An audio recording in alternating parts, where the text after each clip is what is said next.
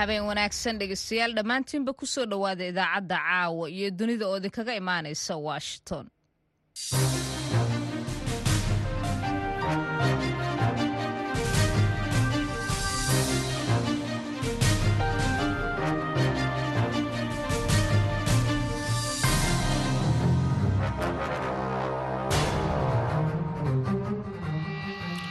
waa fiidnimo isniin ah oo bisha diseembar ee sannadka labada kun iyo saddex iyo labaatanka ay tahay afar. Waxaad naga dhagaysanaysaan mawjadaha gaagaaban ee lix iyo tobanka iyo sagaal iyo tobanka mitirban iyo boggana internetka ee v o a somaali com. Afrikada bari saacaddu waxa ay tilmaamaysaa toddobadii fiidnimo xaggiinna. Idaacadda caawa iyo dunidana waxaa idinla socodsiin doonta anigoo ah sahraa cabdi axmed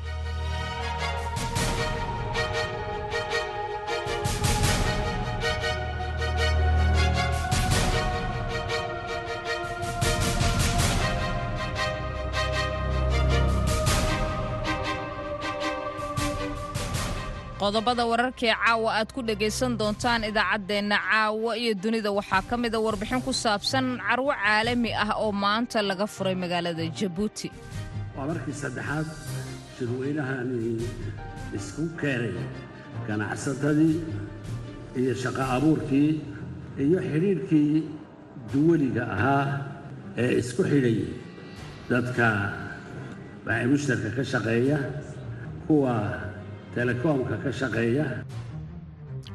qodobada kale aad ku dhegaysan doontaan idaacaddeenna caawa iyo dunida waxaa ka mid ah barnaamijkii qurbe oo ku saabsan dhibaatooyinka ku hadalka afka soomaaliga ee carruurta qurbaha ku nool. Runtii waxa aad mooddaa dayac badan iyo daryeel la'aan badan in luuqaddii soomaaliga soo food saartay. Ahmiyad badanna aan la siinin waana nasiib darro aad iyo aad u weyn runtii waxaan odhan karnaa arrimo badan baa sababay. Haddii kow iyo laba iyo saddex aan ka soo qaadanno sababta ugu horraysa ee sababtay waxaa weeye waalidiintii soomaaliyeed oo aan ahmiyad badan siinin dhallinyaradii aan barin uga sheekaynin taariikhdii iyo luuqaddii soomaaliga. Qodobadaas iyo warar kale ayaan idiin haynaa balse marka hore ku soo dhowaada warkeennii dunida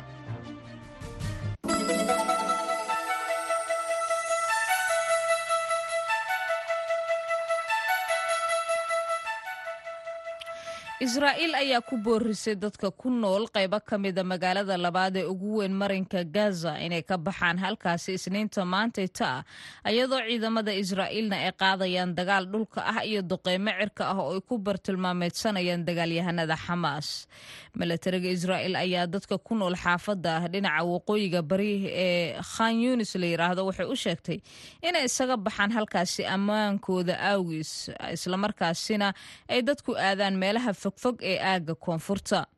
Khan yunis ayaa waxa ay ku taallaa koonfurta ghaza waxaana halkaasi ku cararay dad fara badan oo rayida iyadoo israa'iilna ay bilowday ololaheeda dagaalka ka dhanka ah xamaasta ku sugan waqooyiga gobolkaasi aqalka cad ee dalkan maraykanka looga arrimiyo ayaa isniinta maantayta ah waxa ay ka digeen in gargaarada iyo deeqaha milatari ee maraykanku uu ku bixinaya ukrein ay gabowsi sii yihiin ayna dhammaan doonayaan dhinacyada sanadkan inay u tabaabushaystaan sidii wax looga qaban lahaa arrinkaasi oo koongareeska uu qaadi lahaa tallaabo. Tani ma ahan dhammaadka sanadkan soo socda sidaasi waxaa tiri agaasimaha miisaaniyadda aqalka cad ee dalka maraykanka shalanda yonga oo ku soo qortay barteeda tuurarka waraaqna u gudbisay aqalka sanadka. Xilli ay tahay ayay tiri in la caawiyo ukrein oo dimuqraadiyadda loo hiiliyo lagana dagaalamo gardarada ruushka. Waa xilligan haatan la jooga ayay tiri. Waa wakhtigii koongareesku wax ka qaban lahaa ayay intaasi sii raacisay arrinkaasi young ayaa waxa ay sheegtay in dhammaan boqol toban iyo kowda bilyan ee loo qoondeeyey in lagu caawiyo ukrein ay isticmaaleen oo ay dhammaatay lacagta ugu badan ayaa loo isticmaalay gargaarada ciidamada halka qaarka kaleetona loo qoondeeyey kaalmo dhaqaale iyo sidoo kaleeto shacabka gargaarada bini'aadanimo u baahan yihiin in lagu bixiyo. Maamulka madaxweyne biden ayaa waxa uu ku caawiyey waxa uu ku cadaadiyey aan raahda koongareeska inay ansixiyaan boqol iyo lix bilyan oo dollar oo deeqa oo la siinayo ukrein ayadoo sidoo kaleetona israa'iil meelo ka mida deeqdaasi la geen doonayo goobo kale. Waxaana la sheegay si gaara in lacagtaasi loogu qoondeeyey militariga ukrein lixdan iyo kow bilyan oo dollar. Dowladda britain ayaa waxa ay sii wadaa dadaalkeeda ay ku doonayso in ay dadka magangelyo doonka ah ee britain ay u rarto dhinaca ruwanda si ay markaasi halkaasi uga helaan magangelyo nuqulkii ugu dambeeyey ee britain ay ku codsanaysa arrinkaasi ayaa waxa ay qorsheynaysaa inay u dirto abukaatayaasheeda. Britain jooga ruwanda si ay markaasi u yareeyaan walwalka dowladda britain ka haysta shaqada nidaamka ruwanda maxkamadda sare ee britain ayaa horey waxa ay meesha uga saartay doonista dowladda ee ah in ay markaasi u qaado oo ay u rarto dadka magangelyo doonka ah. Wadankaasi ku yaalla bariga afrika ee ruwanda taasi oo ay ku tilmaameen dadka ka soo horjeeda tallaabadaasi. Mid aanan sharciga waafaqsanan inay tahay.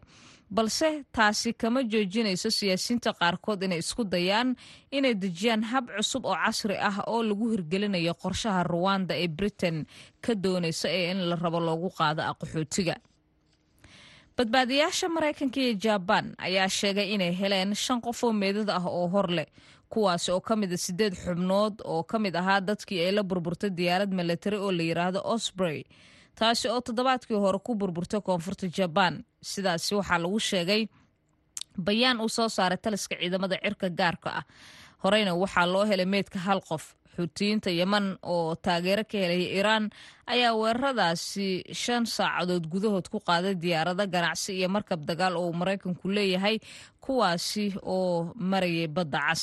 Markabka u s s carney oo ah kuwa wax burburiya ayaa ciidamada badda ee maraykanka ayagoo isticmaalaya waxay soo rideen diyaarado aan duuriyo lahayn oo ah nooca yaryar ee loo isticmaalo basaasiinta iyagoo markaasi isdifaacaya ayaa la yiri sida xildheerayaasha milatariga maraykanku ay sheegeen. Warkii dunidana waa naga intaa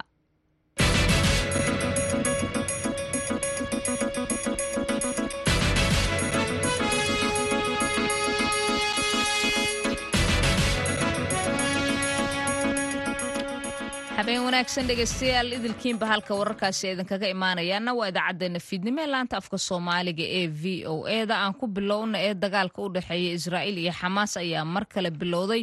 Kadib markii maalintii jimcihii uu burburay xabajoojintii toddobaadkii hore ay dhex dhigtay dowladda qatar dhinacyada israa'iil ayaa waxa ay u sheegtay dadka ku nool qaybo ka mida magaalada labaad ee ugu weyn ee marinka gaza inay isaga baxaan halkaasi isniinta maantita ah.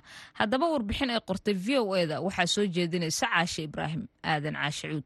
Israa'iil ayaa ku boorisay dadka ku nool qayb ka mid ah magaalada labaad ee ugu weyn marinka khaza inay isaga baxaan isniintan maanta ah iyadoo ciidamada israa'iil ay qaadeen dagaal dhulka ah iyo duqaymo cirka ah oo ay ku bartilmaameedsadeen dagaalyahanada xamaas.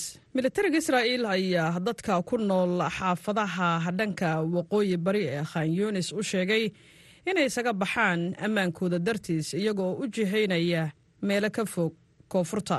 Khan yunis ayaa ku taalla koonfurta khaza halkaas oo dad badan oo rayid ahi ay u qaxeen iyadoo israa'iilna ay bilowday ololaheeda ka dhanka xamaas ee ka socda waqooyiga gobolka. Iyadoo israa'iil ay soo saartay digniino dhowr ah oo ku aadan in dadka ay ka cararaan goobihii markii dambe la weeraray. Ayaa waxa ay sidoo kale dhaleecayn kala kulantay saraakiisha qaramada midoobay oo sheegay in xaaladaha khaza ee xagga korontada iyo internetka aan la isku hadlayn karin ay dadka ku adkaynayso inay helaan macluumaadkay u baahan yihiin. Qaramada midoobey ayaa sidoo kale ka digtay xaaladda bani'aadminimo ee magaalada khaza iyada oo lagu qiyaasay siddeetan boqolkiiba dadkii ka barakacay guryahoodii halka qaar kalena ay ku sugan yihiin guryo ciriiri ah. Marka laga soo tago in ciidamada israa'iil ay howlgallada ku ballaarinayaan gobollo ay markii hore dadka rayidka ahi u raadsan jireen gabaad ayaa waxaa sidoo kale jiray walaac laga qabo saamaynta uu dagaalka xooggan ee ka socda koonfurta khaza ku yeelan doono qulqulka gargaarka bani'aadminimo ee ka soo galay xuduudda koonfureed ee dalka masar. Militariga israa'iil ayaa sheegay isniintan in ay weerareen laba boqol oo bartilmaameed oo xamaasa habeen hore oo ay ku jiraan burburinta goobaha howlgallada xamaas ee ku yaalla gudaha iskuullada waqooyiga khaza israa'iil ayaa xamaas ku eedeysay in ay gabaad ka dhiganayaan cisbitaallada iyo meelaha kale ee dadka rayidka ay ku sugan yihiin ayna ku dhiirigelisay dadka rayidka ahi in ay iska dhegatiraan digniinaha ka imaanaya israa'iil ee ah inay ka guuraan ka hor duqaymaha cirka iyaga oo u adeegsanaya in ay gaashaan ka dhigtaan eedeymahaasina xamaas waa ay beenisay. Ugu yaraan saddex boqol oo falastiiniyiin ah ayaa la dilay tan iyo markii subaxnimadii jimcaha uu burburay xabad joojintii israa'il iyo xamaas oo muddo toddobaada socotay taas oo sare u qaaday tirada dhimashada ee khaza tan iyo weerarkii bishii oktoobar ee xamaas. In ka badan shan iyo toban kun iyo laba boqol oo qof ayaa la dilay iyadoo in ka badan afartan kun oo qofna ay dhaawacmeen. Sida ay sheegtay wasaaradda caafimaadka ay xamaas maamusho ee ku taalla marinka khaza wasaaraddu waxay sheegtay in toddobaatan boqolkiiba dadka ay dhibaatadu soo gaartay ay yihiin haween iyo carruur kadib burburkii xabad joojinta. Xafiiska netanyahu waxa uu ku dhawaaqay inuu amar ku siiyey kooxdii uga qayb galaysay wadaxaajoodka ee ku sugnaa magaalada dooxa ee dalka qatar inay ku laabtaan israa'iil. Israa'iil ayaa bilowday ololaheeda militari ee ka dhanka ah xamaas. Kadib markii dagaalyahanada xamaas ay u gudbeen koonfurta israa'iil bishii oktoobar israa'iil waxay sheegtay in kun iyo laba boqol oo qof la dilay ilaa laba boqol iyo afartan qofna la qabsaday warbixintaasi caashe ibraahim aadan ayaa nala socodsiinaysay washingtonna way idinkaga imaanaysay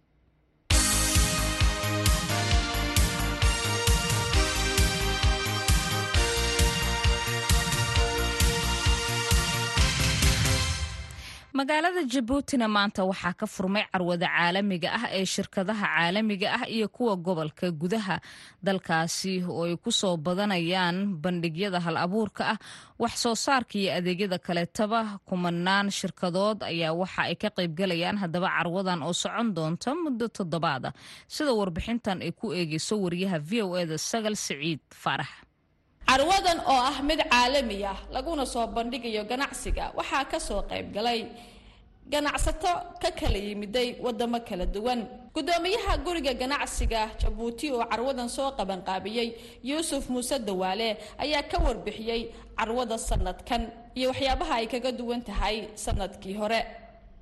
Wallaahi carwada maanta waxay kaga duwan tahaan odhan karnaa. Horta meesha aan carwada ku qabanayno waa meel u samaysan carwada waxaana shirkadaha ka badan shirkadihii ka taya fiican. Waxaan rajaynaynaa inay dad badan soo daawadaan. Iminka waa kun qof waxaa macsuuma hayada timiday. Kunkaa qof waxaan jecelnahay inay toban kun oo kale daba socoto si ay u arkaan inaa waddanka wax laga samayn karo. Waxay ka faa'iidayeen inay dadku arkaan in wax la qaban karo la samayn karo dadku wala kulmi karaan ka dibadda ka yimid ee ka gudaha jooga la kulmi karo ka jabuuti degan uu kaxayn karo ka dibadda ka yimiday uu tusi karo waxa uu xirfad leeyahay. Taa baana keenaysa isdhexgalka madaxweynaha dalka jabuuti ismaaciil cumar geelle oo furay carwada ayaa waxa uu dhinaciisa tilmaamay muhiimadda isdhexgalka ganacsiga uu leeyahay. Waa markii saddexaad shirweynahani isku keenay ganacsatadii iyo shaqo abuurkii iyo xidhiirhkii duwaliga ahaa ee isku xidhay dadka waxay mushtarka ka shaqeeya kuwa telekoomka ka shaqeeya kuwa horumarka iyo isdhexgalka dhaqaale ka shaqeeya. Intuba waxay u dadaalayaan run weeye inay ka qayb galaan dhaqaalaha guud laakiin inay ayaguna ka noolaadaan dadna ka noolaysiiyaan shaqo abuuraan horumarna ka shaqeeyaan carwadani. Waa carwadii saddexaad oo caalamiya oo lagu qabto gudaha dalka jabuuti. Saga siciid faarax v o a jabuuti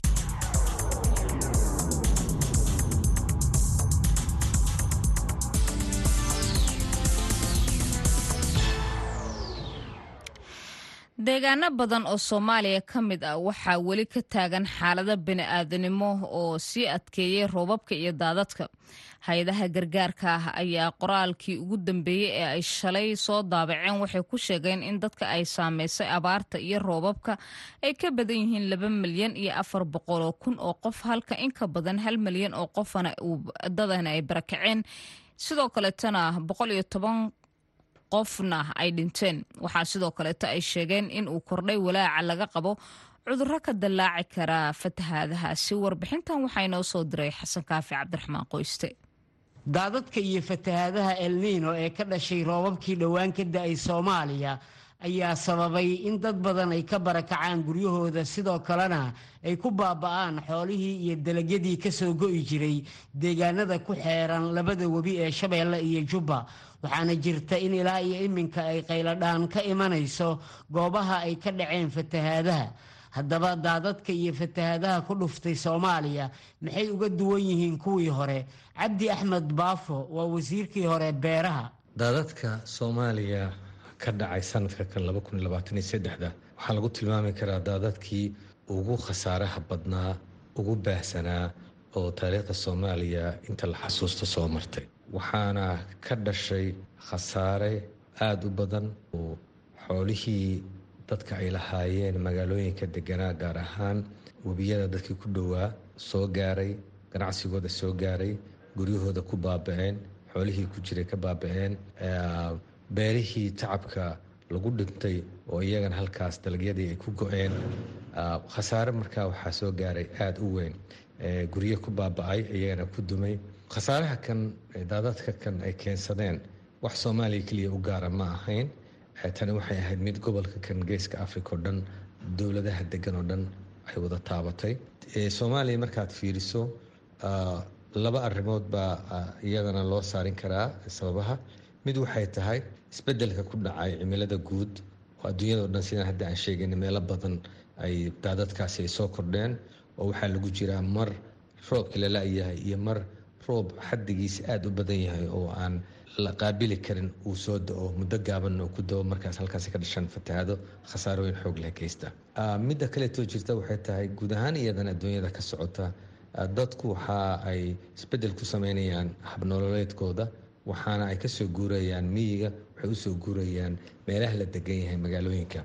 Waxaa jira dad badan oo go-doon ku jira kuwaasoo ay waxyeeleeyeen daadad ku soo rogmaday deegaanadii ay ku noolaayeen. Waxaana arrintaasi ay yaraysay gurmadkii ay dadkaasi heli lahaayeen sida ay ku waramayso duniye maxamed cali oo ka tirsan ururada bulshada rayidka. Sidoo kalena ka mida guddi uu dhowaan ra'iisul wasaaraha soomaaliya u magacaabay wax ka qabashada arrintan gurmadka qabsaday ama hakiyey ama ciladaha la tabaaya ee ka dhacday waxaa waaye biyihii markii webigii uu soo fatahay oo dadkii ay o ogoleen oo meelay ka baxaan lahayn mashaakilkii waxa waaye doonyo ma lahaayo oo doonyo tiro badan ma jirin hal iyo labo oo lagu geynayo dhibaato dhibaatada wax mucaawanadii lagu qaaday ama doonyahaas lagu qaaday waxay ahayd helicopter lama haysto dalkii helicoptero ma lahan hal helicopter oo w f b keliya taal raashinkii iyo gurmadkii wixii adiga waa qiyaasi kartaa dhulka intaas baaxadaas leh hal helicopter siday wax u gaarsiin karto. Ilaa baabuurtii meelay maraysa ma dayaaradii meelay ku degaysa ma marka broblem weyn ayaa xaggaas ka dhacay. Ma ahan marka arintaas arrin dowlad keliya ma ahan. Waxay u taallaa shacabka soomaaliyeed. Ee maalin walba ay ku dhacayaan waxaan. Waxay u taallaa soomaali weyn in isbeddelka cimilada ee adduunka dhan ka dhawaaqay oo soomaaliya mar hore looga dhawaaqay oo inaan u feejignaan inaan la qabsano inaan la qabsano oo aan la qabsano arrimahaaseyto cimilada. Waa inaan hadda waad arkaysaa annagoo shabeello ka sugayno jawaano geynay jowhar iyo hiiraan iyo ayay halkan ka soo qayladii ka soo yeertay meelaan la filin meelaha magaalooyinka iyo goobaha miyiga ahba waxaa ka jira qorsho xumo ku aadan qaabkii looga gaashaaman lahaa daadadka iyo fatahaadaha inta badan dalka ku soo noqnoqda sida uu tilmaamayo mar kale cabdi axmed baafo. Magaalada waxay leedahay biyo soo geli jiray biyo agmari jiray dooxooyin maxaa biyahaasi qaadi jiray wixii o dhan waa la wada degay maartay. Waxaa maqan markaa qorshihii dowladeed ama ha ahaato midda deegaanka hoose ah oo ha ahaato ama ha ahaato midda dowlad goboleedka ha ahaato midda federaalka ahaatee qorshihii lagu hagaajin lahaa nidaamkan hadda socdo oo magaalooyinka aada loo soo degaya maartay meelay biyo maraan inay leedahay. Waa midda aan kulligeyn hadda wada tilmaameyno. Jid aan biyo lahayn biyo mareyn aan lahayn waxaa ka dhalan kara waa la yaqaanaa. Marka waa dib in loo fekero oo isbedelkaas cimilada iyo isbeddelka habdhaqankeenna iyo nolosheenna ku dhacay waxay u baahan tahay inta laysku xiro in laga fekero sida muuqatana waxaa la filayaa waxa kan inayn halkaa ku joogsanin oo ay soo noqnoqon doonaan fatahaada noocan oo kaleeta ay soo noqon doonaan. Waxaa iyadana muhiim ah in aan la ilaawin nabaadguurka ka socda miyiga ka socda geedaha la jaraayo ayagoo qalalan la jaraayo dhulkiio maxaan ku shalito hawdaha oo maanta laga dhigayo meel aan hal geeda lagu arkin. Waxa ay taasi dhalinaysaa dhibcaha roobka markaay dhulka ku dhacaan. In ay ku joogsan waayaan oo ay geli waayaan dhulka ay geli waayaan oo markaasna ay daadadkii ay ka dhashaan oo maxaan ku raha togagii iyo ay aadaan. Taasina waxa weeye waa arrin iyadana u baahan in loo soo jeesto nasro mahad oo ka tirsan howlwadeennada la shaqeeya hay'adaha ku howlan arrimaha bani-aadinimada ayaa ka warbixisay saameynta ay geysteen roobabkii deyrta ee ka curtay soomaaliya. Sidaa ognahay waxaa ka jira wadankeena fatahaado khaasatan meel kamida gobollada dalka? Fatahadahan waxay saameyn ku yeesheen bulshada qaybeeda kala duwan ayagoo siyaabo kala duwan u kala saameeyey waxay aada u saameeyeen adeegyada ay gudbin jireen hay'adaha caalamiga ah dowladda sida iskuullada caafimaadka iyo adeegyada kale asaasiga ay u baahayiin ummadda soomaaliyeed waxay aada u saameeyeen beeraleyda iyo quruxda deegaanka. Sababtoo ah fatahada ayaa aada u burburiyay wadooyinkii dhismaha gobollada uu ka jiro fatahadahan si loo caawiyo ama looga soo kabdo fatahadahan saameynta ay geysteen. Haddii aan tala yar ka bixiyo sida loo caawin laha dadka waxaa loo baahanyaa inay helaan beeraleyda xeelad ay ku sii wadan karaan. Abuurkooda ayagoo ka faa-ideysanaya biyaha waxaa kaloo aada u wanaagsan in loo abuuro meelaha ay saameyn fatahadaha adeegyo dhismo si loo soo celiyo bilicda deegaanka maadaama haddii falaadhis ama daadad ay yimaadaan dadka ay qaxayaan u qaxayaan meelo ka baxsan meesha ay ku noolayaan waxaa laga yaabaa inay ka dilaacaan cuduro badan. Marka waxaa loo baahay inay helaan adeegyo caafimaad. Sidoo kale caruurtii waxbaranayay waxaa xakad ku imaanaya waxbarashadoodii. Marka waxaa la rabaa in looga abuuro meesha walba ay u qaxaan waxbarasho. Waxaa kaloo loo baahan yahay in loo sameeyo biyo dhaamin ama looga qodo ceelal meelaha ay degaan dadkaas si aysan biyola-aan ugu dhicin. Ugu dambayntii duniye maxamed cali ayaa soo jeedisay talooyin ku aadan qaabka wax looga qaban karo fatahaadaha dalka ka dhacay oo ay ku sheegtay inay yihiin kuwii ugu ba'naa ee soomaaliya soo mara waxaa loo baahan yahay in dowladda iyo shacabkeeda iyo ganacsatada ay ka fikiraan wixii fududeyn lahaa waxaan yareyn lahaa. Sida webi qodistii webigii in la qodo markuu guro oo webigii qodo oo la qodo. Ilaa webigii wuxuu la sinaanaya dhulkii. Cara si u keena u keenayo jaa wuxuu levelkii dhulkii la sinaanaya taa in laga fikiro. In la sameeyo biyo xireenno oo webigii markuu biyo badan keeno biyo xireen loo kaydiy dadka. Si hadhowti markii webiga uu guro loogu soo furo oo beerihii iyo dadkiiba ugu noolaadaan. Mashaariicdaas oo horumarka leh ayaa loo baahan yahay. Ee looma baahna wax gargaar degdeg ah keliya inuu socdo. Waa inay isbarbar socdaan gargaarka degdega ah iyo mashaariicda horumar. Taas ayaa looga xirsi kori karaa. Maahine waa waray marna daadaana qaaday. Waa waray marna oomanaa u dhiman. Ma aha. Xasan kaafi qoyste v o a muqdisho haddaba magaalooyinka daadadku ay saameeyeen waxaa ka mida magaalada afmadow ee gobolka jubbada hoose. Haaruun macruuf ayaa khadka telefoonka wuxuu kula xiriiray gudoomiyaha degmada afmadow maxamed amiin cusmaan. Haaruun runtii magaalada waa waa saddex ka meeloo laba meel. Magaalada waa laga baxay guryaha waa laga baxay. Guryihii biyaa galeen suuqii magaalada laga adeeganaya biyaa galeen dukaamadii iyo suuqii iyo mataqaanaa magaaladii bartamaheedii biyaa galeen waa laga baxay. Xaafadahana ilaa saddex qeybooda laga baxay. Marka dadki waxay waran yihiin banaanka ilaa shan iyo toban kilomitr laga bilaabo afmadow. Hal kilomitr laba kilomitr ilaa shan iyo toban kilomitr baa dadku isdabadaadsan yihiin ilaa bohologoof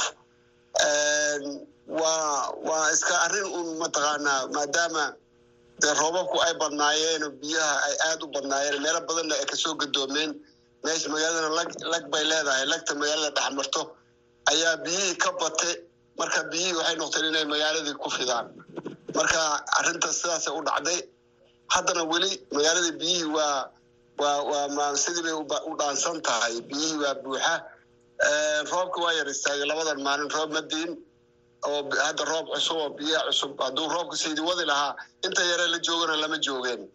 Marka biyahan magaalada dhex eegaaga sidee baad uga saaraysaan may annagu waa waxa weyaan dabeecaddu caadiyan haddii roobku istaago inta badan biyuhu way socdaano biyo fadhiya ma aha. Biyuhu waxa weye waa leeg biyaha leegtay ka soo gadoomeen. Marka markay roobku istaago biyuhu maxay noqonayaan legta inay ku ku laabtaan biyaha lagtana way socdaan.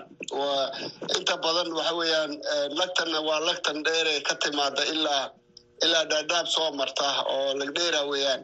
Ilaa dhasheeg waa ku dartaa oo lixdan kilomitr u jirto kismaayo.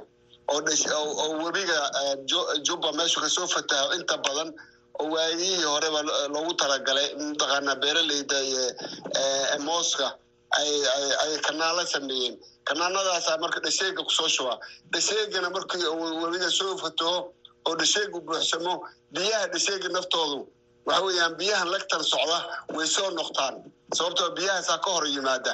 Marka biyuhu meelay aadaan markay waayaan dhulka caadiga miyiga ku fidaan iyo magaalooyinka. Marka magaalada afmadow marka inta badan webigii kuma taalo oo webigi way ka fog tahay oo boqol sagaashan kilomitr ay u jirtaa. Laakiin waxa weeyaan legtan lagtan ayaa ayaa webi oo kale noqonaysaa marka caadiyan marka yaro yarba u noqon doonaan haddii ilaah yiraaho waa gartay. Marka maxaa khasaaro ay biyuhu u geysteen guryaha iyo dadka iyo hantida kale? Biyuhu halkeebay joogaan dharar ahaan? Maya biyahan halkoodii bay joogaan. Weli saa uma noqonin. Halkii ay joogeen bay joogaan. Suuqii weli waa biyeysan yahay. Magaaladii weli waa xaafadihii ay galeen waa siday u biyeysan yihiin. Marka waxaa khasaaraha ugu badan waxa weeyaan de raashinkiibay dadka ka qaadeen guryihii alaabtii taalle bay wada qoyeen oy ka qaadeen mataqaanaa dadkii waxba lamayla bixin. Dadku ayaga dharkoodii waxay la baxeen caruurtooday la baxeen iyo wixii ay qaadan kareen. Marka dadku bacyay ku jiraan haddeer geedabay bacyo saarteen geedaha hoostooday ku jiraan oo bacya u saaran yihiin.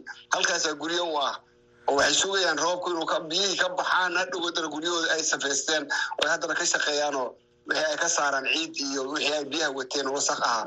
Marka waa waa waa dhibaat adeada waxay ku sameeyeen curyaamin fara badan xagga dhaqaalaha. Ayay ku sameeyeen. Hadda naf ma gooyin oo hadda dad bay dileen ma lihin. Laakiin de curyaamin badan bay ku sameeyeen. Dad ay qaadeen biyuhu waa jireen waa laga soo dhici waa laga soo waa laga soo qabtay. Haddana dooman baa lagu shaqaynayaaba labada magaalada labada dhinac.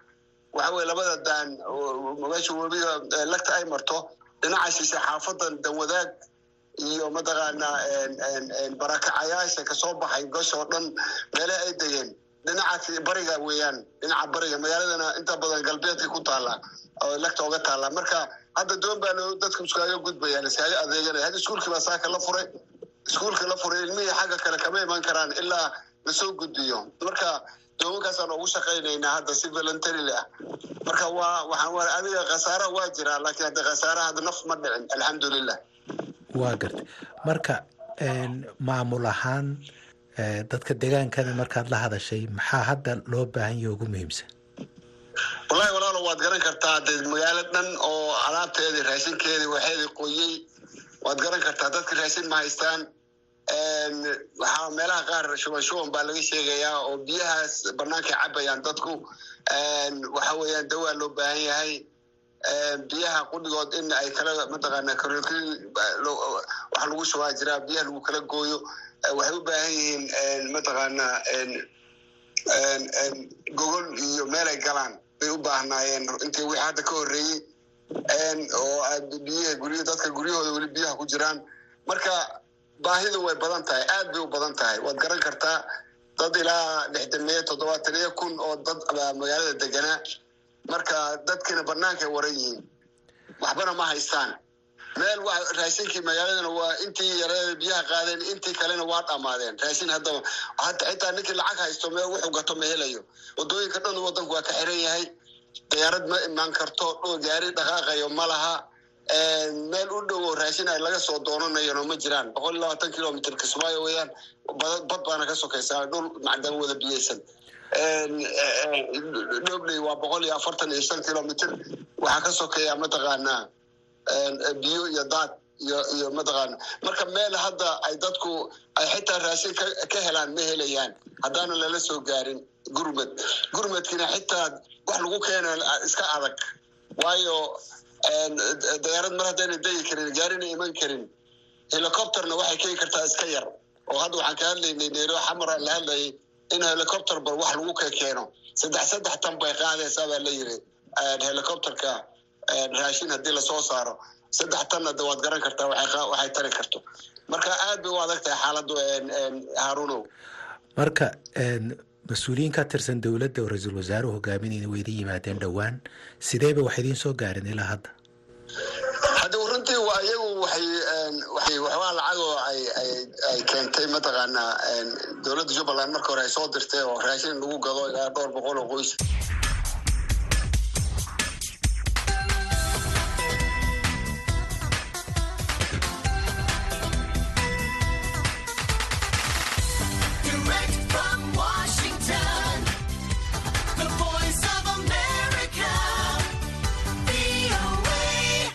Fiid wanaagsan dhegaystayaal ku soo dhowaada barnaamijka cawiiska dhadhaab kaas oo idinkaga imaanaya la'aanta afka soomaaliga ee v o a reedioga xeryaha dhadhaab waa barnaamij ka sheekeynayo nolosha qaxootiga si toosna aan idinkaga soo gudbinayno xeryaha qaxootiga dhadhaab ee gobolka waqooyi bari. Barnaamijka waxaad ku dhegaysataan toddobaad walba labada mawduuc ay ugu hadalheynta badan yihiin bulshooyinka ku nool xeryaha qaxootiga iyadoo dhegeystayaasheenna dhadhaab iyo deegaanada ku xeeran ay si toosan uga dhegaysan karaan. Idaacadda fmka v o eda dhadhaab ee ka soo gasha mawjada fm-ka hal eber lix dhibic todoba megahartis barnaamijkeena caawa qodobada aad ku maqli doontaanna waxaa ka mid noqon doonaa. Qaar ka mid ah shaqaalaha caafimaadka ismaamulka gaarisa ayaa shaaciyey in qaxooti ka badan saddex iyo labaatan kun oo qoys ay u baahan yihiin in loo dhiso musqulo deg deg ah si sare loogu qaado adeega caafimaadka ee bulshooyinka ku nool xeryaha qaxootiga sidoo kale barnaamijka waxaad ku maqli doontaan qaxootiga ku dhaqan xeryaha dhadhaab oo si diiran u soo dhoweeyey in soomaaliya ay xubin ka noqoto ururka bulshada bariga afrika kama marna xubintii shakhsiga oo toddobaadkan aan ku waraysan doonno safi aadan isaaq oo ah naafa ah oo aan ka waraysanay caqabadaha dadka naafada ku haysto gudaha xeryaha dhadhaab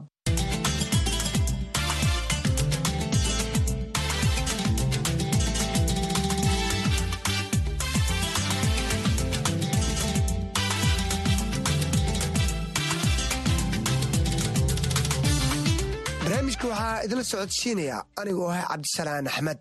Qaxootiga kuwol xeryaha oo ka kooban qoomiyado kala duwan ayaa sanadihii taga waxay sheegayeen in hoosudhac xoogan uu sameeyey gargaarkii samafalka ah ee la siin jiray qaxootiga ku jira xeryaha iyadoo uu aad u yaraaday dhaqaalihii lagu bixin jiray qaxootiga dhadhaab tan iyo dhammaadkii oo dhaqaalaha dunida uu naafeeyey caabuqii covid oo wax badan ka bedelay sanduuqii deeqbixiyaasha ay ku caawin jireen qaxootiga ku jira dhadhaab baayaha oo aad u sii badanaya gargaarka oo yaraanaya iyo barakacyaasha abaaraha ee soo gaaraya xeryaha ayaa hubintilaan xoogan geliyey nolosha bulshooyinka qaxootiga ah haddaba qaar ka mid a saraakiisha caafimaadka ismaamulka gaarisa ayaa sheeciyey in qaxooti ka badan saddex iyo labaatan kun oo qoys ay yihiin kuwo aan haysan musqulo ay ku xaajo gutaan iyadoo rabab xoogan ay ka da'ayaan guud ahaan gobolka waqooyi bari.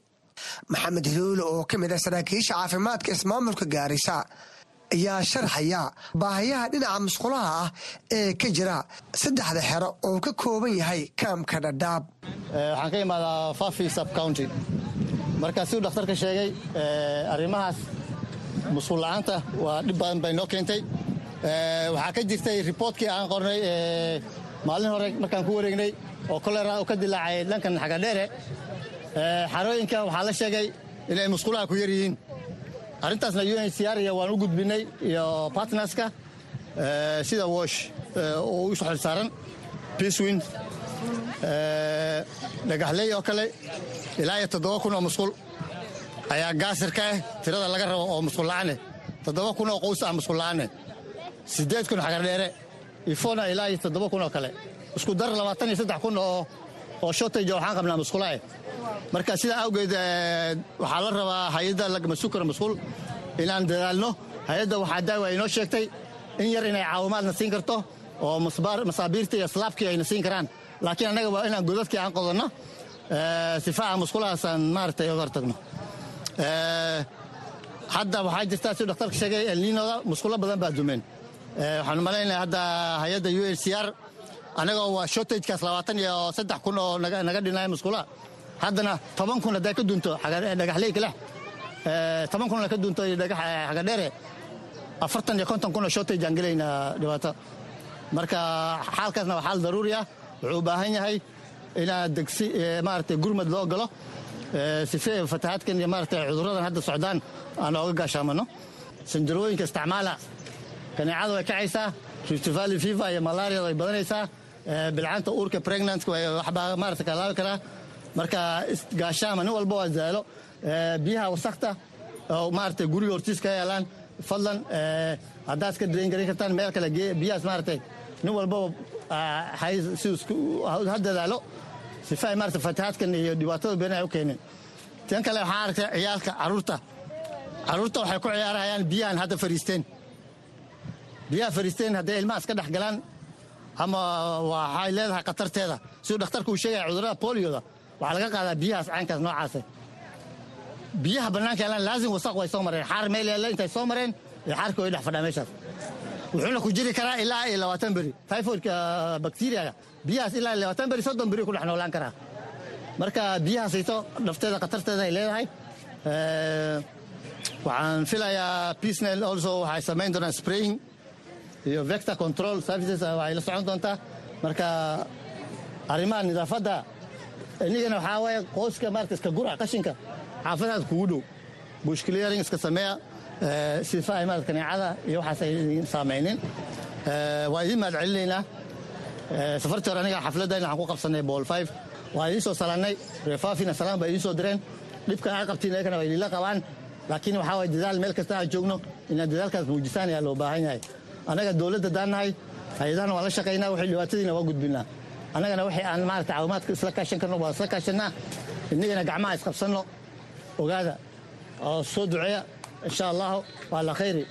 Aad buu mahadsan yahay kaasan wuxuu ahaa maxamed hilowle oo ka mid ah shaqaalaha caafimaadka deegaanka oo noogu warramay gudaha xeryaha dhadhaab ee gobolka waqooyi bari dhinaca kale hogaanka xeryaha ayaa sheegaya in ay ballaaran tahay baahida xilligan qaxootiga ay u qabaan.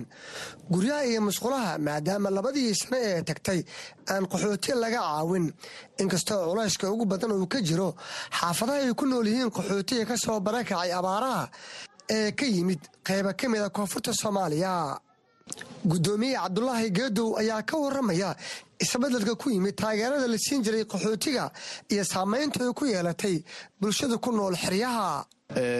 Haddii hataa biyaha ay gursadaan oo dadka meesha ay ku noqdaan waa inay masquul ku hadana ay qotaan waad ogtay dadka aad bay u ma haystaan agab ay masquulo ku qotaan ama lacag ay masquul ku qotaan ma haystaan wixii alaabta lagu dhisi lahaa ma haystaan. Hay'adiina gacmahay ka taagteen wax ilaa hadda laba san muddo laba san masquul lama bixinin. Inta hadda waxaa sii dheer dadka hadda ku qaxay iskuullada masquulada iskuullada ay isticmaalaan. Waxaa laga yaabaa boqol iyo konton qoys oo ka kooban min toban ka kooban kun iyo shan boqol oo qof. Waxaa laga yaaba inay lix masquul isticmaalaan marka halka marka caafimaad darra ayaa marka laga yaaba inay ka dilaacdo. Marka waxaan ilaahay ka rajaynaya inuu ilaahay xaaladda noo fududeeyo oo dadkan mataqaana dhibaatooyinka ilaahay inuu ka qaado. Meelihii ay wax ka imaan jireen ama badeecada laga keeni jiro badeecana ka imaanin sokortii iyo cuntadii daruuriga la cuni jira oo erka isku shareeray marka waxaasoo dhan marka isbiirsadaan dadka marka aada u nugul xaqiiqdii xaaladooda way adagta meel xaalad adag baa jirta. Ugu dambayntii fariintaada maxay tahay aad gaarsiinayso dowladda hay'adaha samafalka iyo bulshada soomaaliyeed? Waxaan fariin gaarsiinayaa hay'adda u n h r haryaha dhadhaab iyo dowladda kenya county garisa garisa county inay micnaha dadkan ay u danqadaan dadkan dhibaataysan ay gargaar degdeg ay la soo gaaraan.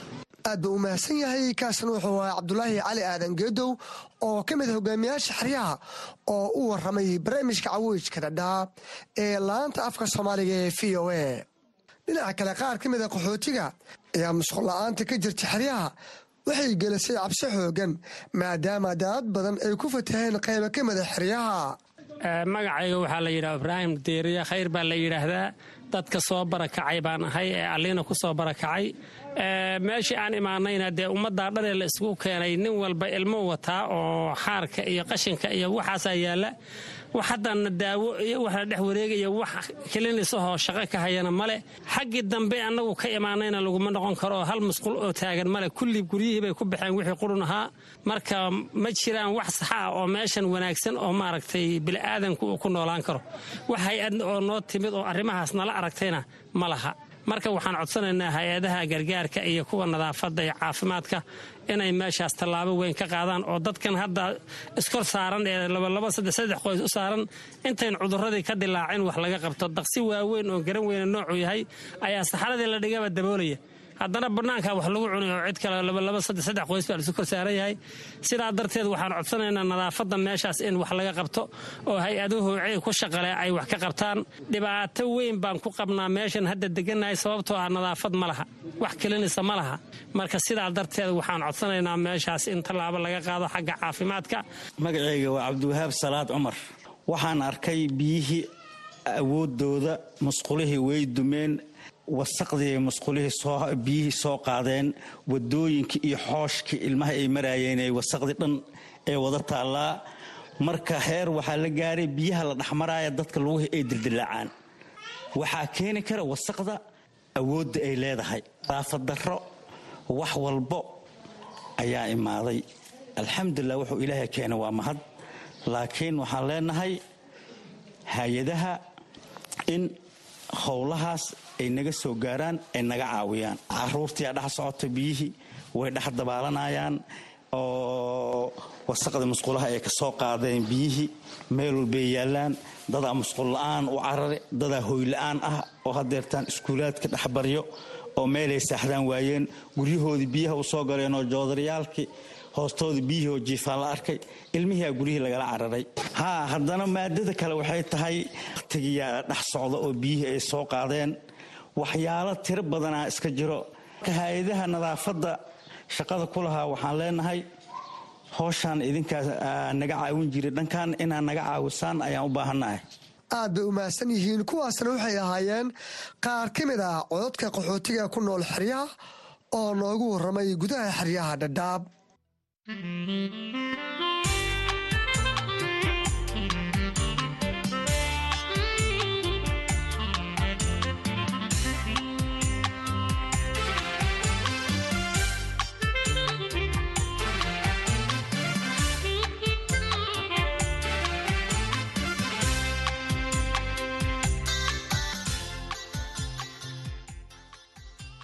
waxaan ku jirnaa qaybihii dhexe ee barnaamijka caweyska dhadhaab waxaa idinku soo maqan warar kale oo xiise leh oo ku aadan isla wararka qaxootiga balse iminka idinku wareejiyo saaxiibkay axmed cabdilaahi jaamac ee stuudiyaha igula sugan si uu noogu soo tabiyo barnaamijka qaybihiisa kale. Mahadsanid cabdisalaan dhegaystayaal waxaad nagala socotaan barnaamijka caweyska dhadhaab oad ka dhegaysanaysaan laanta afka soomaaliga ee idaacadda v o a. Waxaanuu barnaamijku si toos idinkaga imanayaa xeryaha dhadhaab ee gobolka waqooyi bari ee kenya ku soo dhowaada warbixinno kale oo la xiriira nolosha dadka ku nool xeryaha qaxootiga oo qayb ka ah barnaamijka caweyska dhadhaab ee toddobaadkan. Waxaa ka mid a qodobada aad ku maqli doontaan xubintii shakhsiga oo toddobaadkan ay marti noogu tahay safiya aadan isaaq oo ah gabadh naafa ah oo aan ka waraystay caqabadaha dadka naafada ah ku haysta xeryaha dhadhaab iyo qiso iyada u gaara oo sida ay sheegtay raad ku reebtay nolosheeda. Waxaad kale oo maqli doontaan dadka ku nool xeryaha qaxootiga ee dhadhaab oo tallaabo hore loo qaaday ku tilmaamay ku-biiristii dowladda soomaaliya ee ururka bulshada bariga afrika. Haddii aan ku bilaabo oo dhegaystayaal xubinta shaqsiga saddexda bisha diseembar sannad walba waxaa dunida looga dabaaldegaa maalinta caalamiga ah ee dadka aan laxaadkoodu dhammayska tirnayn.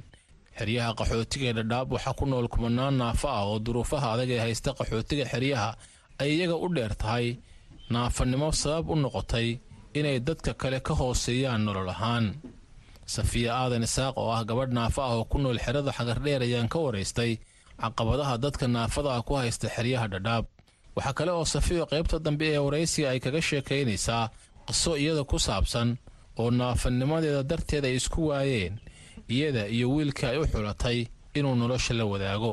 Dadka naafada ah meel walba dhib baa ka haystaa dhinaca shaqada ha ahaato dhinaca berihii waayihii hore lwf waxaa bixin jirtay birooyin baskiilooyin sidoo kale bacayaal sidoo kale waxaa bixin jirtay joodariyaal sisinyeeriga. Wax badanoo ayada hadda bixin jirtay aa la waayey waa ogtahay qof aan aanu shaqaysanaynin qof ku tiirsanna aan lahayn. Hay'addii daryeeraysiina gadaal u laabatay dhibkiisa dee waa dareemi kartaa. Haba yaraatee wax caawimaada oo khaasa oo aad ka heshaan hay'adaha samafalka. Oo aan ka ahayn raashinka dee qaxootiga o dhan la siiyo idinka maadaama aad naafatiin wax gaara oo hay'adaha ka heshaan ma jiraan maya ama shaqo ha ahaato.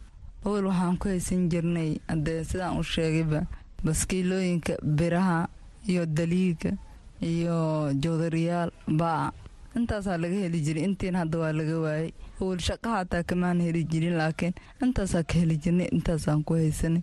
Intiin hadda waa la waayay waa laysla fadhiyaa.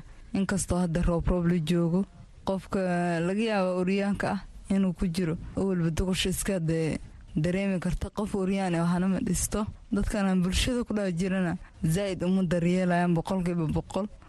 Dee dhib badan waa iska jiraa walaalo caqabadaha dadka naafada ku haysta xeryaha qaxootiga maxaa ka mid ah?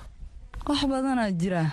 Qeybta raashinka ahaato qeybta daawada ha ahaato magaalada markaa maraysa ha ahaato biyaha ha ahaato. Dhinac walba waa ku liitaan inkastoo hadda beryahan biila-aan jiro qofka oryaanka ee anigaa ka mid ah maanta hadda ani bii doona liila ma doonan kari. Dadka kalena waa ila mid. Xagga raashinkaa soo hadal qaaday xagga raashinka sidee caqabad idinka haystaan? Xagga raashiinka dadku waa isku dhaafeelaan. Waxaa laga yaabaa qofka oryaanka ah inuu haddana u sii siyaad tahay. Haddee dadka naafada ah waa kala yihiin dad waxaa jira dhagool ah dad waxaa jira baskiil saaran dad waxaa jira luka go-an. Dadka markaa ku aniga haddaan kula hadlayo keer hore keer inaan dawan yaa la iigu dhah berberay. Dadka kalena waa ila mid. Hay'adda keer ku shaqaynaysa oo ku shaqo leh. Waxaan ka odsan lahay horta. Kaas ahaan ayada. Dadka naafada ah intay u hagaajiso leen gooni ah haddaa samayn karaan. Kuma dhaafeeri karaan bulshada. Dadkii lugihiisa qabaya meeshu isku dilahayaan annaga dee warkeena warba soo goynin adi aan u soo noqonno bal naafanimadaada xagibaad naafa ka tahay goormaad naafowday naafanimadaada meeqay soo socotay. Bal adiga haddaad wax iiga sheegto gaar ahaan noloshaada. Ani naafadan waan ku dhashay waxaana gacan imahogoay dhawarka noloshaadu waa sidee? Yaad la nooshahay qoys maad leedahay reer maad leedahay? Bal wax iiga sheegto noloshaada. Reer malihi laakiin waxaan la noolahay hooyaday iyo walaalahayga. Nolosheeda dee qof aan shaqaysanaynin dee waa iska dareemi kartaa dhibkiisa dadka naafada ah ee ku nool xeryaha qaxootigu waxay sheegtaan tacadiyo iyo takoor ay kala kulmaan bulshada. Adiga kasafi ahaan ma jirtaa wax bulshada kaa soo gaadha oo takoor ah ama tacadiyo ah? Dee takoor iyo ta'tii waa jiraan. Wadada maraysa ilmaha kugu qoslayaan qofku weynaa kugu qoslaa tobada biyaha markaa haysatid waa lagu yeesaa. Dhinaca walba taasa dee waan la qabsanee. Waxa adi aad la qabsateena. Dee marka markay wax walba kuugu isub yihiin. Baa la daneeya somaa annaga taas waa la qabsanay dhaanahay dadka naafada ah. Wax si gaara noloshaada ee saameyn ugu leh oo bulshada kaa soo food saaray ma jiraan?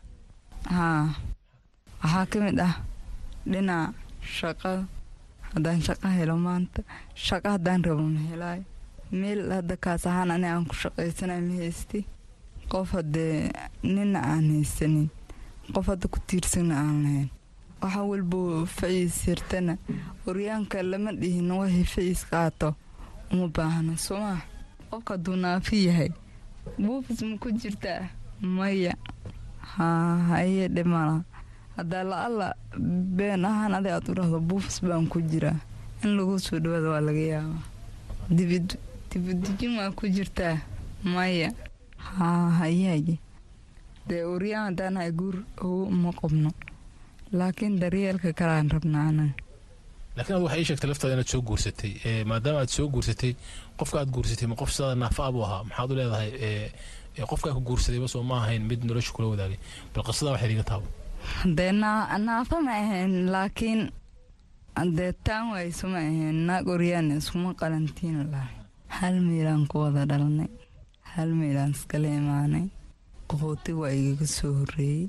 Ani isagoo aan la bahsanay waana ismehersanay markii haddee meherka dhacana gabadha waa la soo wadaa wiilka gurigooda la geynaa wiilka gurigood odayaal ka mid ah baa gabadha hafadooda geynaan somaa naag oryaan ee sidii loo geynaya annaga ma garanaynaan. Ama sideeda ku hayso ama guriga adigii adaa ka soo waday. Waxii lagu yara buuqo ugu dambeyn gurigi waa lai keenay. Waxaa dhee naag oryaan ee sidii lacag looga bixinayo oo loo gurigeynayo innaga ma garanayno. Haddaa rabta derbiyadaha kuga imaado haddaa kalena iska daa warqadeeda u qor ugu dambeyn waxaa dhaheen gabar lahadeeda lihaad qabto baa lagu guurinaya naagtaan iskuma qalantiin. Waa inaad warqadeeda siisaa. Dee ninkaad walaalihiisa soo mu'aaradaan meesha waxba kuma yaalaan sumax walaalkiisna kama go'i karo. Sidii markaa nin liigaga go'ay. Oo warqadayda liigu siiyey. Ninkii aad iseclaydeen aad sheegteen meel ku soo wada korteen aad isla baxsateen aad rajeynaysa inaad qoysiyo reer noqoto. Markii sidaa aad isku weydeen maxaa dareentay? Dee qofka inuu wax dhalo inuu meel dego. Xaq buu leeyahy waan rabaa sumax naag oryaane sidii loo doonayo ma garanayna de markii hore la igu dhahay niijaba dee intaasaba igu filan. Mar walbo niijab looma diyaargaroobi kara somaa dantaada waa intaa garataa taasi waxay ahayd safiya aadan isaaq gabadh ku nool xeryaha dhadhaab oo marti igu ahayd xubinta shakhsiga oo qayb ka ah barnaamijka caweyska dhadhaab ee toddobaadkan. Dadka ku nool xeryaha dhadhaab ayaa soo dhoweeyey ku-biiristii soomaaliya ee ururka bulshada bariga afrika maxamed cali cumar oo ka mida odayaasha qaxootiga ayaa sheegaya inuu guul u arko ku-biirista ururka bulshada bariga afrika ee soomaaliya isagoo dhanka kalena soo hadal qaaday inay jiri karto culaysuu dalku kala kulmo dalladda lagu beeriyey dowladnimada soomaaliya oo aan weli si fiican u saldhigan darteed. Marka dhan loo fiiriyo waa guul. Horumarka ganacsiga baasaboorka loo yidhi waa la bedelayaa east africa international community baa laga dhigayaa oo aadan u soo dhoweynayno isdhexdalka ganacsiga siyaasadda maxaa dhahay bulshada waa aad ba runtii dhinacna dee soomaaliya hadda weli dowladnimadeeda aad uma istaagin. Waxaan is leeyahay dardar badan baa imaan kara bulsho kala duwan baa imaan karta dhulboob baa imaan kara siyaasiyiin baa lasu ma garanaysaa. Xaggaas culays baa ka imaan kara. Laakiin taa waxaan is leeyahay dowladda inay u diyaargarowdaan u malaynayaa inay difaaceeda samaysato xuduudadeeda siyaasaddeeda laakiin wixii ganacsi ah iyo wixii nolosha ku saabsan iyo arrimaha baasaboorka iyo waxyaabahaas iyo bulshada kala duwan waxaa weeyaan waa wax soo kordhay oo aad loo waxaa weeyaan siddeed dowladood oo la yidhi baasaboor baad ku tegeysaa waa wax soo kordhay aad u wanaagsan weeye. Laakiin waxay baahan tahay ogaansho iyo in loo foogjignaado dalka wixii soo galaya wix ka baxayo dhallinyarada xeryaha qaxootiga ayaa iyagu si mugle u soo dhoweeyey ku biirista ururka bulshada bariga afrika ee soomaaliya. Maxamuud cabdikariin xasan oo ka mid ah dhallinyarada ku nool xeryaha dhadhaab ayaa ka hadlaya waxa ay soomaalidu ka faa'iidi karto dalalka ku jira dalladda aad aad iyo aad baan u soo dhoweynaynaa. Waxaanu arkanaa arrin guula oo dowladdan federaalka soomaaliya ay ku tallaabsatay. Waxaan is leenahay bulshadan shacabka soomaaliyeedna dowladnimada waxyaabahay ka faa'iidaan waxyaabahay ugu waaweynaa weeye. Inay ku safri karaan oo waddamo badan saafiskooda inay tagaan u fududahay oo ka ganacsan karaan. Oo bulsho badan oo intaa leeg ay la midoobeen. Aad baan ugu arkaa inay horumar tahay. Dowladdan oo ku bogaadinaynaa xukuumadda madaxweynaha xasan sheekh maxamuud iyo ra'iisul wasaare xamse cabdi barre hogaaminayaan waxaan leenahay aad iyo aad baad u mahadsantihi waxaan is leeyahay waxyaabaha ka fududaanaya dee socodka socodka dadka deegaankani aad maaragtay ugamaynan umayna socon karayn hadday bulshada ku biireen safarka iyo socdaalku ugu fududaanaya iyo inay bulshada kale ay ka midka noqdeen ay dhex galaan. Shukri sheekh xasan ibraahim oo ka mid a dhallinyarada ganacsatada ah ee xeryaha ayaa sheegay in dhallinyarada qaxootiga ah ay yihiin dadka ugu horreeya ee ka faa'iidaya ku biirista ururkan ay ku midaysan yihiin siddeedda dal ayna siyaabo kala duwan uga faa'iidaysan doonaan bismillahi raxmaan raxiim waa aniga shukri sheekh xasan ibraahim wallaahi soomaaliya inay ku biirto bulshada bariga afrika taas ahaan dhallinyarta aad iyo aad aan soo dhoweynaynaa dowladda soomaaliya madaxweynaha xasan sheekh maxamuud aad iyo aad ayuu u mahadsan yahay. Dadaalka ayuu dadaalku ku bixiyey in aan ku biirno bulshada bariga afrika. Isdhexgal bulsho siba dhallinyarta soomaaliyeed ganacsatada waxaan leeyahay waa arrin aad iyo aad muhiim u ah waxaa ka mid ah xagga isku socodka soomaaliya dhallinyarta soomaaliyeed waxay dhib ku qabtay in ay isku socdaal ay ka sameeyaan bariga afrika. Hadda waxay noqonaysaa in ay si fudud ay socdaal ugu sameeyaan bariga afrika. Tan kale ganacsigoodii ayaa xusmaynayaa inuu kobco inay soo beecgeeyaan badeecaday haastaan inay bariga afrika keeni karaan ay suuq weyn ka samayn karaan. Waxaan leeyahay arrintaas waa arrin aad iyo aad u fiican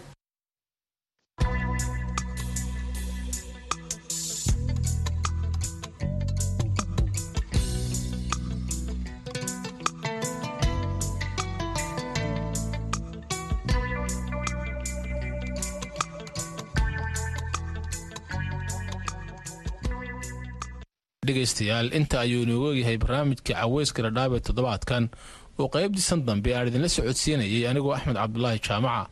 Intaasi aanan ka bixin aan mar kale dib idinku celiyo saaxiibkay cabdisalaan axmed cabdisalaan oo barnaamijka ila daadihinayey mahadsanid axmed dheere dhegaystayaal haatanna ku soo dhowaada heesta barnaamijka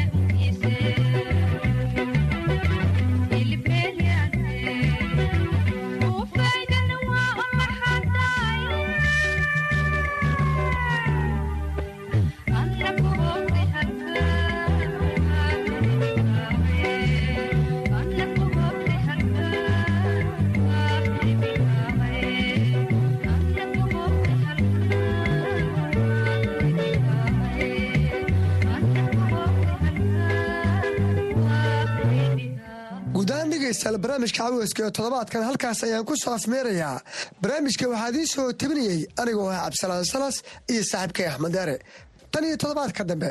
Intaan dib u kulmi doonno waxaan idinku dhaafaynaa. Ammaana alla